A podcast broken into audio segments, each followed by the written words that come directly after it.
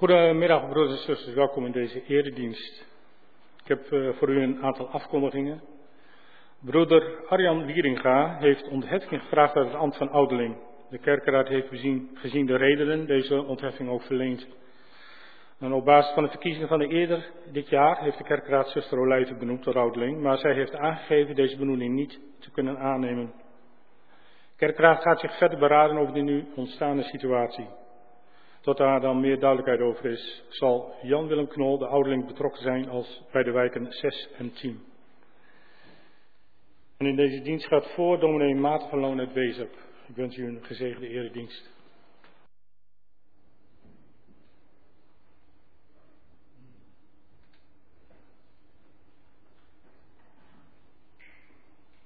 Goedemiddag allemaal. Laten we samen deze dienst gaan beginnen en laten we dat doen door te beleiden dat we ons afhankelijk weten van de Heer onze God. Ik nodig je uit om daarbij te gaan staan.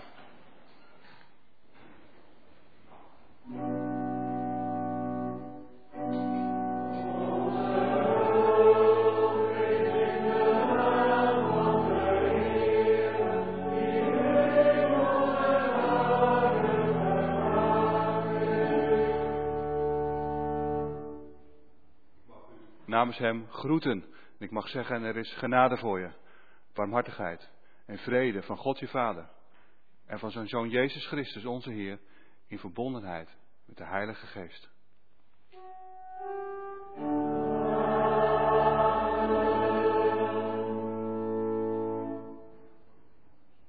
Vanmiddag komt uh, de wet van God, of eigenlijk de samenvatting van de wet van God, die komt aan de orde. En bij de wet denk je, nou, wat ik allemaal moet en wat ik allemaal niet mag. maar de samenvatting is natuurlijk de liefde die de vervulling van de wet is. En hoe mooi is het dan als je die wet van God ook lief kunt hebben met je hart. En dat wat God zegt, dat je dat graag wil overdenken, daarna wil leven. Dat komt samen in Psalm 119. We zingen er drie coupletten van, vers 1, 4 en 7.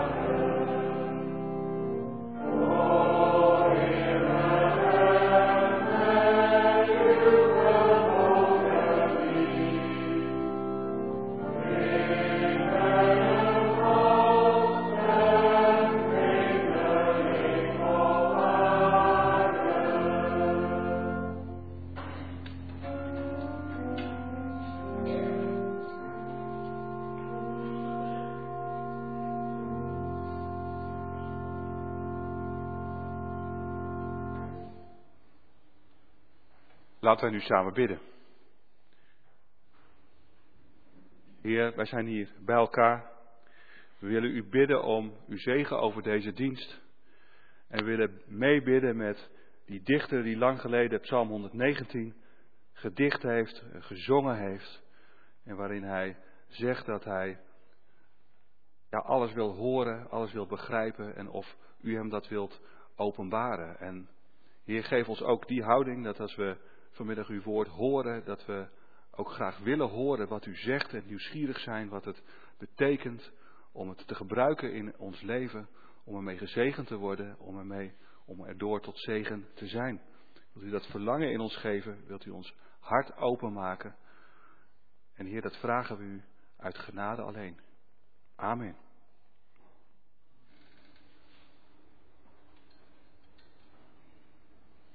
We lezen vanmiddag uit Marcus 12 en dan gaan we lezen vers 18 tot 34.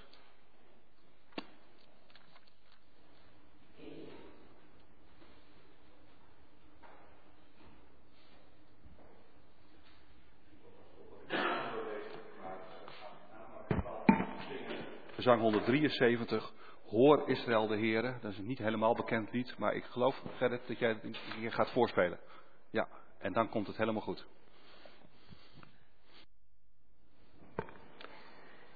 Marcus 12, vers 28 tot 34. Een van de schriftgeleerden die naar hen geluisterd had, terwijl ze discussieerden en gemerkt had dat hij hun correct had geantwoord, kwam dichterbij en vroeg, wat is van alle geboden het belangrijkste gebod? Jezus antwoordde, het voornaamste is, luister Israël, de Heer, onze God, is de enige Heer. Heb de Heer uw God lief met heel uw hart, met heel uw ziel, met heel uw verstand en met heel uw kracht. En daarna komt dit. Heb uw naaste lief als uzelf. Er zijn geen geboden belangrijker dan deze. De schriftgeleerde zei tegen hem, Inderdaad, meester, wat u zegt is waar. Hij alleen is God en er is geen andere God dan Hij. En Hem liefhebben met heel ons hart en met heel ons inzicht en met heel onze kracht en onze naaste liefhebben als onszelf, betekent veel meer dan alle brandoffers en andere offers. Jezus vond dat hij verstandig had geantwoord, zei tegen hem, U bent niet ver van het koninkrijk van God. En niemand durfde hem nog een vraag te stellen.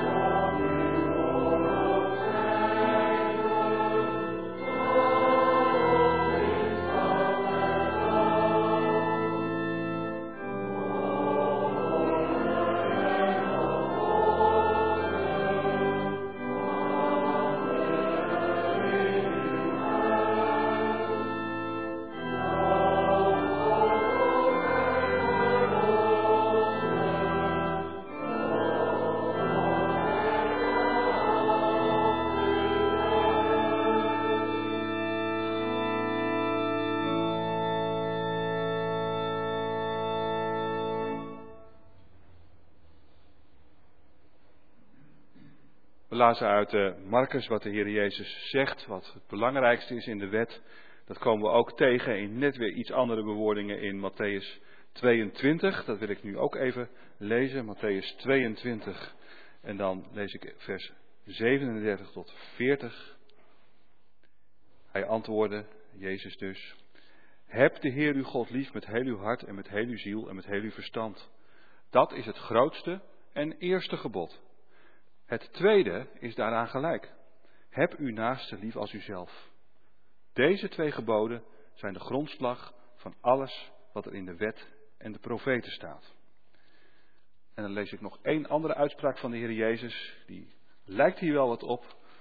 Komt dezelfde in voor. Uit Matthäus 7 is dat dan vers 12. En daar staat.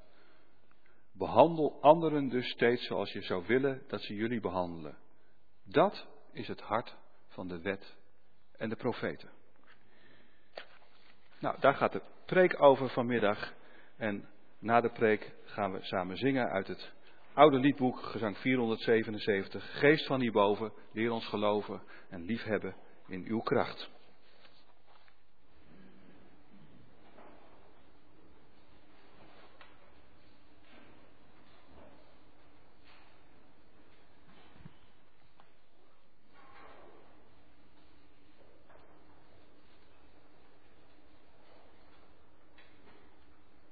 Wezen ben ik eh, begonnen met een eh, prekenserie, of het is eigenlijk ons jaarthema, dus elke maand hebben we dan één preek daarover.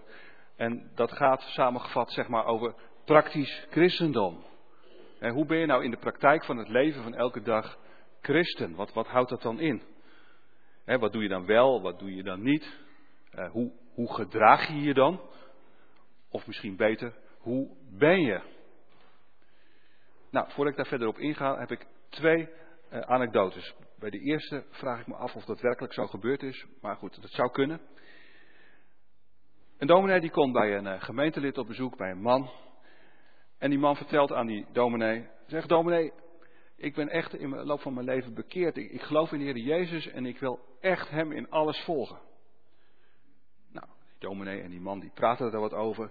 Het is ook dankbaar hè, als je op bezoek komt en, en ja, iemand gelooft gewoon hartelijk en daar mag je dan over praten. Dus ik hoop ook dat, dat jullie ambtsdragers en jullie met elkaar ook dat soort gesprekken hebben. Niet altijd alleen maar moeilijk, moeilijk, moeilijk. Mensen geloven soms ook gelukkig hartelijk. En dat is mooi als je dan zo'n gesprek mag hebben. Dus, collega die vindt dat mooi, iemand die er helemaal voor gaat. Maar op een gegeven moment wil die man nog een keer koffie inschenken, maar dan loopt de kat in de weg. En dan geeft die kat een flinke schop en die roept, rotkat! En terwijl ze van de koffie genieten, zegt die dominee: Zeg, eh, broeder, wat merkt jouw kat er eigenlijk van dat jij bekeerd bent? Ja, want of zo'n schop tegen zo'n kat, of dat nou een voorbeeld van praktisch christendom is, ja, dat weet ik eerlijk gezegd niet. Tweede, dat is wel echt gebeurd, er stond een poosje geleden een kort artikeltje en een column over in de krant. Minstens zo serieus, want die vorige, dat was wel grappig, maar daar zat er ook een serieuze ondertoon in. Een man die moet voor de politierechter verschijnen. Hij heeft een politicus bedreigd. Hij heeft iets geschreven als voor jou ook een kogel. En de man krijgt van de politierechter een straf. Nou, dat snappen we wel. Maar opmerkelijk wat die politierechter erbij zei. Hij zei namelijk: U noemt zichzelf christelijk. U heeft een gezin. Hoe is het mogelijk dat een gewone burger die niet gestoord is, zoiets doet? Nou, even los van de vraag of een politierechter zulke dingen mag zeggen. Daar kun je van alles van vinden. Maar je snapt toch de verbazing, of niet? Iemand doet dat en die is christen en die gaat elke zondag naar de kerk en die, die neemt dat serieus. Hoe, hoe, hoe gaat dat samen? Dat verwacht je niet. Geen voorbeeld van praktisch christendom. Nou, daar gaat het dus over. En dan staan we eerst stil bij een belangrijke les van de Heer Jezus. Dus het gaat vanmiddag niet zozeer over wat doe je nou wel, wat doe je nou niet.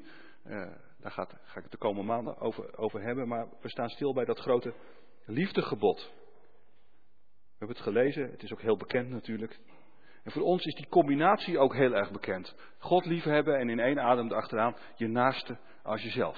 Het is heel bekend, wordt misschien vaker ook wel voorgelezen na de tien geboden.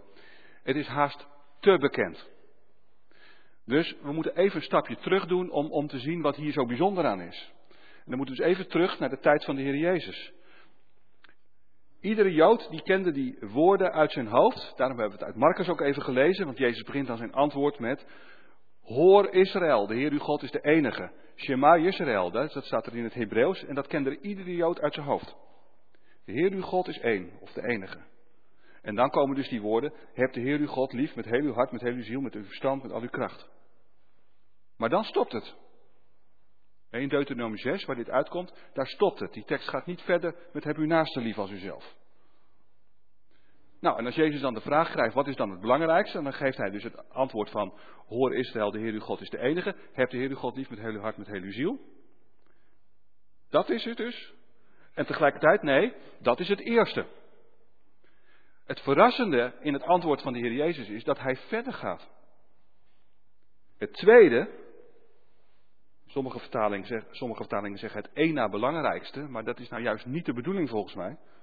alsof het toch een tandje lager staat. Nee, het tweede, dat is daaraan gelijk, zegt de Heer Jezus.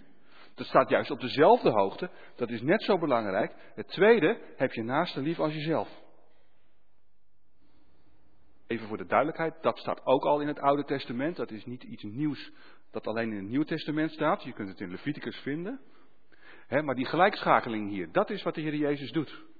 Die eerste woorden, die kende ieder Israëliet uit zijn hoofd. Dat droeg hij bij zich. En Jezus zet er iets naast, wat al wel bekend was. En zegt, maar dat staat op gelijke hoogte. God voorop, maar in één adem erachteraan je naaste. Het eerste hoe belangrijk ook, is dus niks zonder het tweede. Eén been kan je niet lopen, zeggen ze wel eens. Geloof is maar half met dat eerste. En daarmee, volgens Jacobus, als je de brief van Jacobus leest, leest zelfs dood als geloof alleen maar iets is van achteroverleunend wat filosoferen. En als je het beaamt, zeker, God is de enige, ja, ja. Nee, er zijn niet meer goden. En er is ook niet geen God, er is één God. En Hij, de God van de Bijbel, is de enige. Christelijk ingevuld, zou je dan kunnen zeggen. Hè? Geloof de Heer Jezus, in de Heer Jezus, als je die erkent als Zoon van God, als Verlosser zalig maken. Als dat nou allemaal wordt geloofd en allemaal voor waar aangenomen, en, en verder niet, hè, dan is dat maar een half geloof. Dan is dat alleen nog maar dat eerste. Hoe belangrijk ook. En die wetgeleerden, eigenlijk best bijzonder, want uh, dat hebben we niet gelezen, maar het is heel, ze zijn heel kritisch op Jezus. Het is eigenlijk een soort van strikvraag. Wat gaat de Heer Jezus zeggen en kunnen we hem erop pakken? Maar die wetgeleerde die heeft het al door. Hij zegt dat, dat, dat geloof in God, dat is inderdaad allemaal niet veel waard. Hij zegt dat in oude testamentische termen, hè, die, die brandoffers en al die andere offers. Dat is allemaal niet veel waard als dat alleen maar op zichzelf blijft staan. Nieuw-testamentisch, als wij hier allemaal lofliederen zingen, andere liederen, als we erediensten houden met van alles en nog wat, dat is niks waard als in de praktijk van het leven eigenlijk het hart gewoon koud blijft. Als de deur dicht blijft voor de naaste. Als je hem of haar niet zo behandelt als je zelf behandeld wil worden. dat ene vers uit Matthäus wat we ook nog even gelezen hebben. Ook het hart van wet en profeten. En daar staat niet dat eerste bij. Hij noemt daar alleen het tweede. Het tweede is daar grondslag voor wet en profeten. Ja, want zo noemt Jezus dat dus. Het grote liefdegebod is de grondslag voor wet en profeten. In de, in de oude vertaling, of een van de oudere vertalingen, daar staat dan aan deze twee hangt de ganse, hele zouden we vandaag zeggen, hangt de ganse wet en de profeten. Dat is eigenlijk de Bijbel in de tijd van Jezus. Alles hangt daaraan vast, volgt daaruit, heeft daarmee te maken. Dus die liefde voor God en voor je naaste, dat is overkoepelend. De rest volgt eruit. De rest vloeit eruit voort. Is uitwerking, is gericht op de praktijk. Welke vorm dan precies die liefde voor God en de naaste krijgt of zou moeten krijgen. Hoe er in het leven met God en met onze naaste vrede, harmonie, shalom, hè, een mooi Hebreeuws woord voor, voor vrede, maar een diepere vrede. Hoe het leven goed is dat, dat zit in de rest van het Oude Testament al. En ook al houden wij ons daar niet letterlijk meer aan, er zijn sommige dingen anders geworden. maar, maar daar gaat het om. De rest volgt daaruit. Ook als in het Nieuwe Testament de concrete invullingen veranderen. En als we dat vandaag doen, in een hele andere tijd levend. Maar daar is het God om begonnen.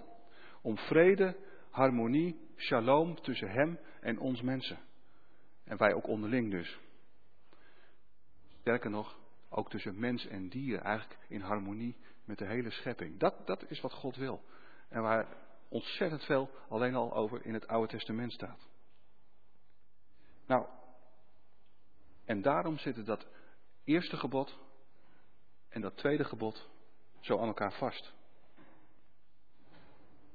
Kom je aan je medemens, kom je aan je medeschepsel, ja, dan kom je aan God. Als je je kat zomaar schopt, nou ja, ik zeg het heel zwaar misschien, maar dan kom je aan God. De spreukendichter, die wist het al. De rechtvaardige is goed voor zijn dieren. En Jezus zegt, wat je aan een ander doet, hoe gering die ook is in de ogen van mensen? Aan, wat je aan een van de kleinste doet, dat doe je aan mij.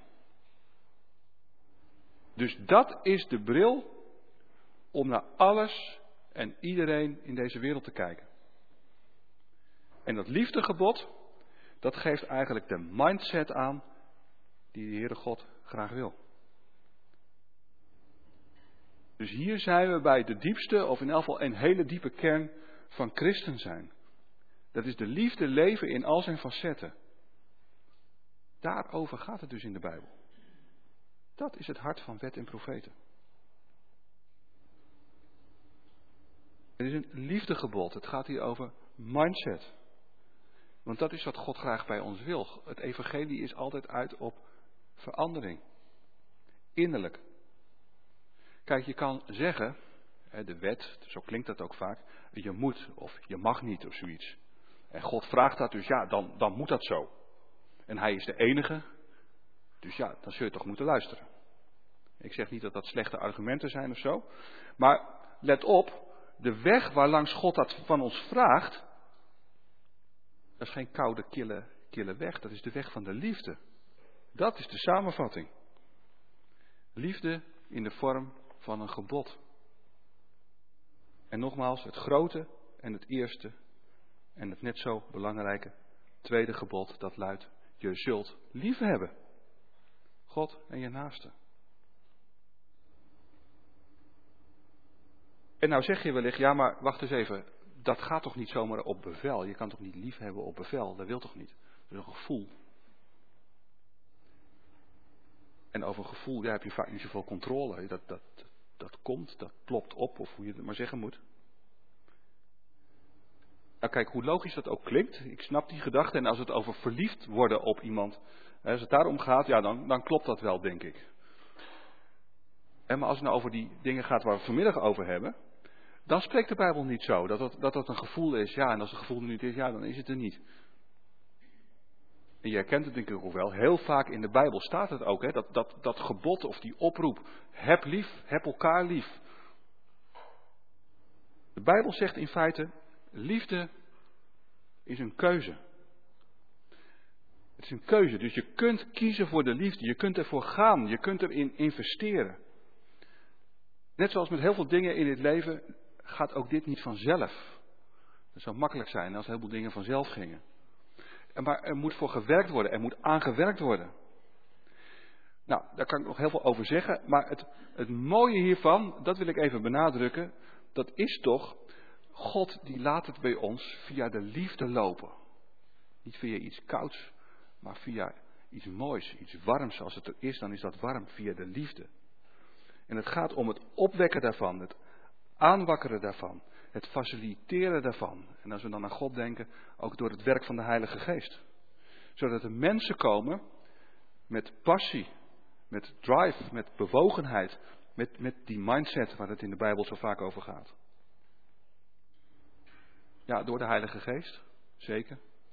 En door ervoor te gaan. Paulus die zegt ergens, want het is immers geen tegenstelling, oefen je, train je in een vroom leven. Het is een sportterm.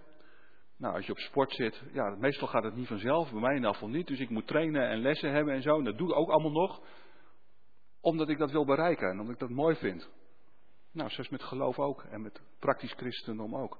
Je, je moet het oefenen, net als met veel sport, door het vaak te doen en wat aanwijzingen te krijgen. Door ermee bezig te zijn dus. Door in dat krachtenveld van de Heilige Geest te gaan staan. Want er is namelijk een bron hiervoor. Er is een drijvende kracht. Die zelf liefde is. Die liefde geeft en die het werkt. En in taal van het Nieuwe Testament, als we het dan hebben over de liefde van God, dan zien we dat natuurlijk in het bijzonder in en door onze Heer Jezus. En die liefde van God in Hem roept bij ons, als het goed is, ook liefde om. Dat Hij mij in Jezus wil. Dat Hij jou wil, dat Hij mij wil. Dat Hij ons eeuwig zalig leven gunt. He, shalom, waar het helemaal goed zal zijn, vrede. En ik zie het ook in de Bijbel. We zitten nu even wat meer in het Oude Testament, wet en profeten. Maar als je, als je dat leest, al die, al die verhalen, hoe dat gegaan is, hoe weerbarstig die verhalen soms ook zijn. Als je dan leest hoe de Heere God dat steeds volhoudt. Ondanks dat zijn volk steeds weer hem niet lief heeft.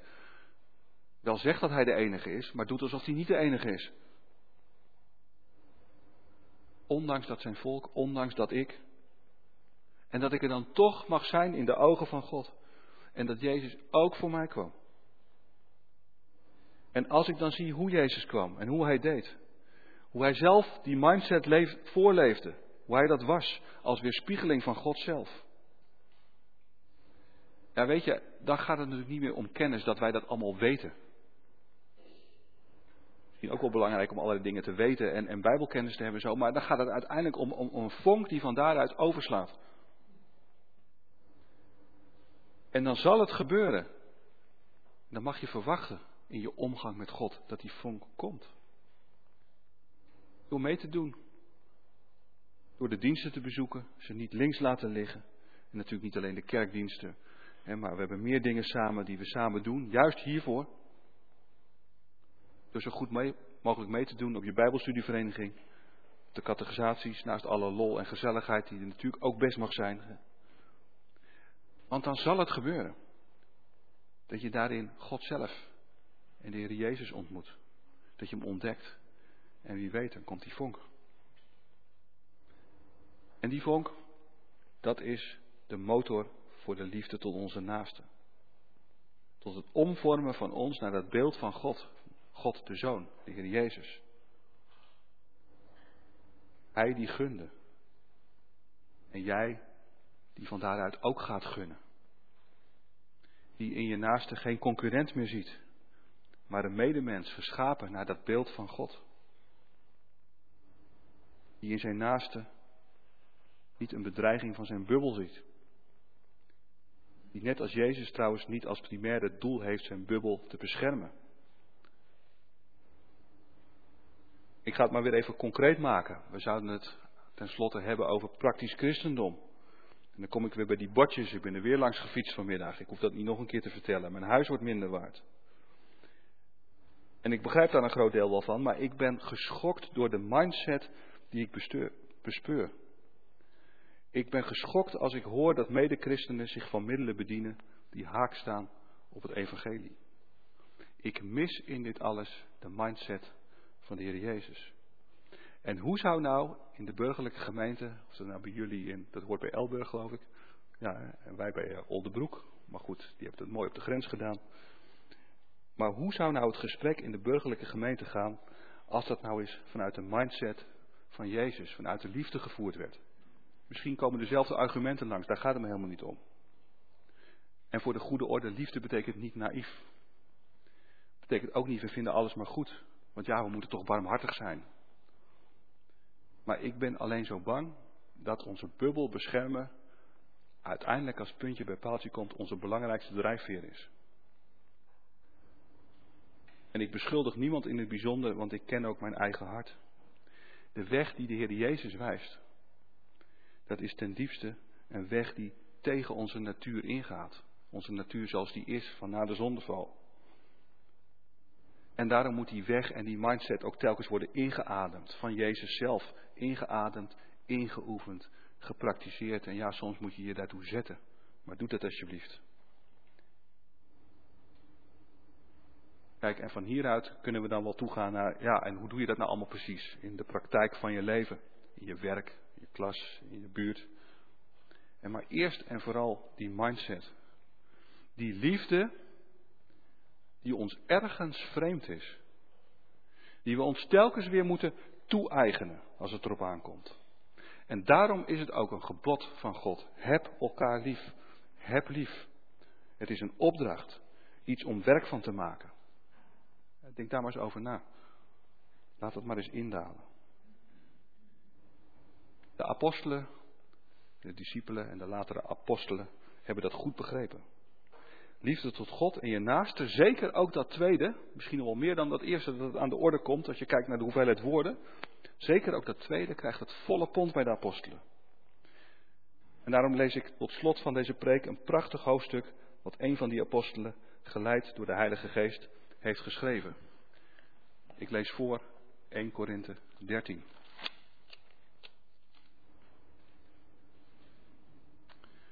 Al sprak ik de talen van alle mensen en die van de engelen. Had ik de liefde niet, ik zou niet meer zijn dan een dreunende gong of een schallende cymbaal. Al had ik de gave om te profiteren en doorgronde ik alle geheimen. Al bezat ik alle kennis en had ik het geloof dat bergen kan verplaatsen. Had ik de liefde niet, ik zou niet zijn. Al verkocht ik mijn bezittingen, omdat ik voedsel aan de armen wilde geven. Al gaf ik mijn lichaam prijs om te worden verbrand, had ik de liefde niet, het zou me niet baten. Liefde is geduldig en vol goedheid. De liefde kent geen afgunst, geen ijdel vertoon en geen zelfgenoegzaamheid. Ze is niet grof en niet zelfzuchtig. Ze laat zich niet boos maken en rekent het kwaad niet aan. Ze verheugt zich niet over het onrecht, maar vindt vreugde in de waarheid. Alles verdraagt ze, alles gelooft ze, alles hoopt ze, in alles volhardt ze.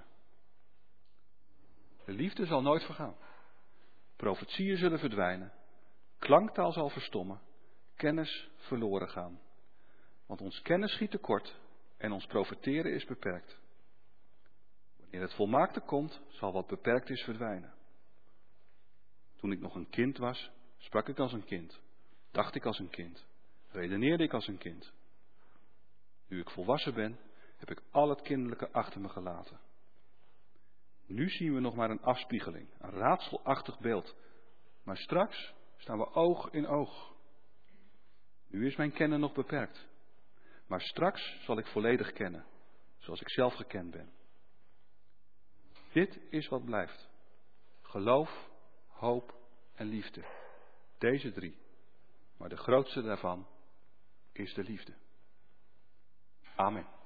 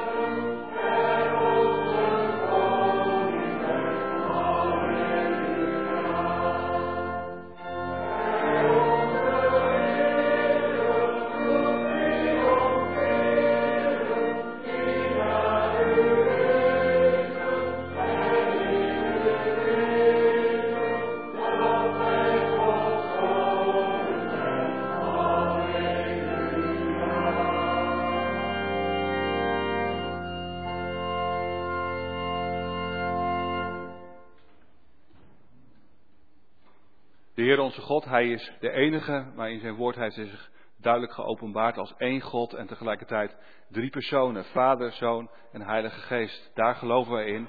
Dat geloof willen wij nu beleiden en dat gaan we zingend doen met een lied bestaande uit drie coupletten op een hele bekende melodie. Dat hoort u vanzelf. Zullen we, voor zover we kunnen, daarvoor gaan staan?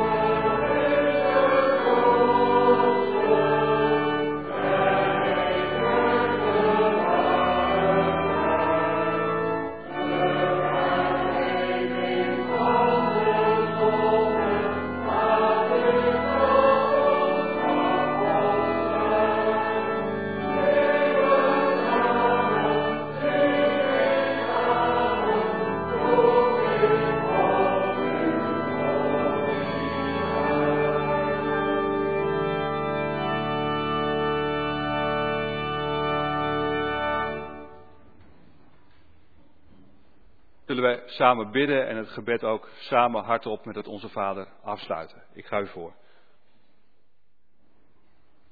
Heer onze God, wij mochten hier bij elkaar zijn.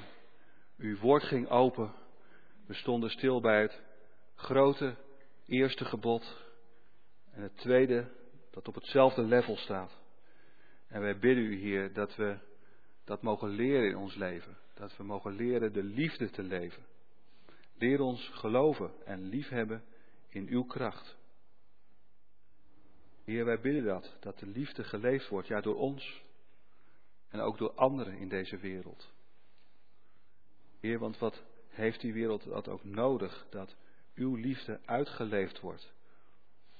En wij bidden dat uw geest door de wereld mag gaan, door ons, door heel deze wereld. En wij bidden u voor deze wereld.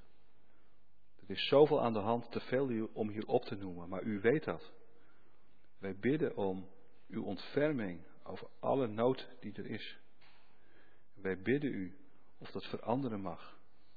En Heer, ten diepste, en dat weten we ook, dan zult u dat doen, eens, als alles nieuw wordt. En daar verlangen we naar, soms meer, soms minder. Maar dank u dat we u zo mogen kennen. Een God van liefde, die ons de liefde wil leren die uit is op vrede en shalom. En die beloofd heeft dat het ook eens dat weer worden zal. En zo prijzen we uw naam. Heer, wilt u ons ook horen als we de woorden bidden die uw zoon Jezus ons leerde. Onze Vader, die in de hemelen zijt, uw naam worden geheiligd, uw koninkrijk komen, uw wil geschieden gelijk in de hemel, alzo ook op aarde. Geef ons heden ons dagelijks brood. En vergeef ons onze schulden, gelijk ook wij vergeven onze schuldenaren. En leid ons niet in verzoeking, maar verlos ons van de boze. Want van u is het koninkrijk en de kracht en de heerlijkheid tot in eeuwigheid. Amen.